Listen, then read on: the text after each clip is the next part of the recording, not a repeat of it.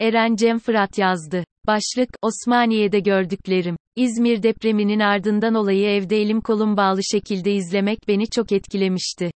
İzmir depreminden sonra ise Akut Arama Kurtarma Derneği Ankara ekibine gönüllü başvurusunda bulundum. Çok fazla eğitimi aldıktan sonra afetlerle, arama kurtarma çalışmaları ile ilgili bilgi birikimim oluşmaya başladı. Yaklaşık 1,5 senedir Akut'ta gönüllülüğüm devam ediyor. Kahramanmaraş'ın Pazarcık ilçesinde 6 Şubat pazartesi günü sabah saat 4.17'de deprem 7.7 büyüklüğündeki depremin ardından SMS sistemi ile 4.48'de Akut'tan operasyon mesajları ve çağrıları gelmeye başladı. Bizler de mesajın ardından merkez yerleşkemizde toplanmaya başladık. Depodan araçlarımıza eşya yüklemesini yaptık ve ekibimiz sabah 6 gibi yola çıktı. Akşam saatlerine doğru Osmaniye'de bir ekibimiz enkazda arama kurtarma çalışmaları yaparken ikinci ekip olarak bizler de kamp merkezimizi ve lojistik depomuzu hazır hale getirdik.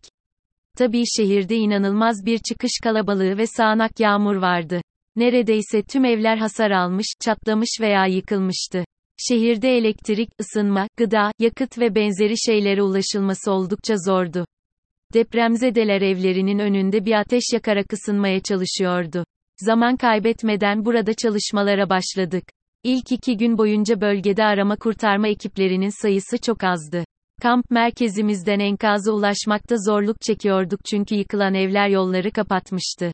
Enkaz altında kalan insanların yakınları yollarda bizi çevirerek yardım istiyordu. Keşif ekibimiz ve arama ekibimiz dinleme cihazları ile arama yaparak ses, yaşam belirtisi bulmaya çalışıyordu. Bu sırada kurtarma ekibimiz hazır bir şekilde bekliyordu. Arama ekibinden anons gelir gelmez kurtarma ekibi olarak direkt enkaza gidiyorduk. Yapı denetçimiz binayı inceleyerek riskli bölgeleri belirleyerek kendi önlemimizi alıyorduk. Hemen ardından hiç vakit kaybetmeden kurtarma çalışmalarına başlıyorduk. Enkazın başında güvenlik güçleri hemen yanında o evde yaşayan insanlar bekliyordu. Her mola verişimde yanıma gelerek teşekkür ediyorlar ve gelişmeyi soruyorlardı.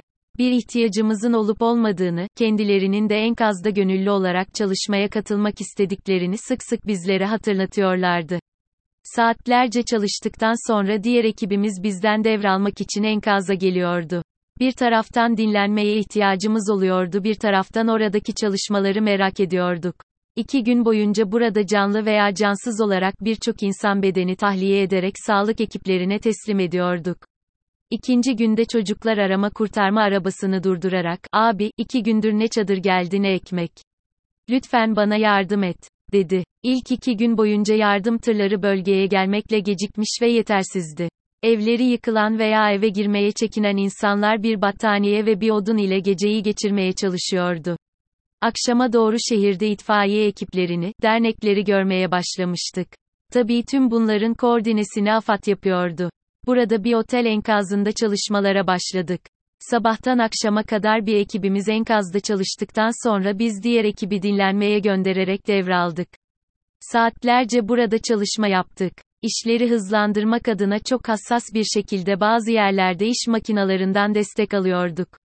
Otel sahibi bizlere hangi katlarda kaç kişi olduğunun bilgisini veriyordu.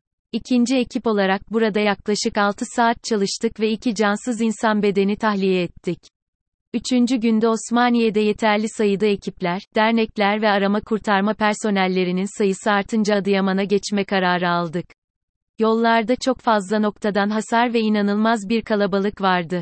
Burayı gördükten sonra kendi kendime Osmaniye yine iyi bir durumdaymış dedim kendi kendime. Çünkü burada bir kemeylik bir yere gitmek yarım saat sürüyordu. Her yer yıkılmış binalar ile doluydu.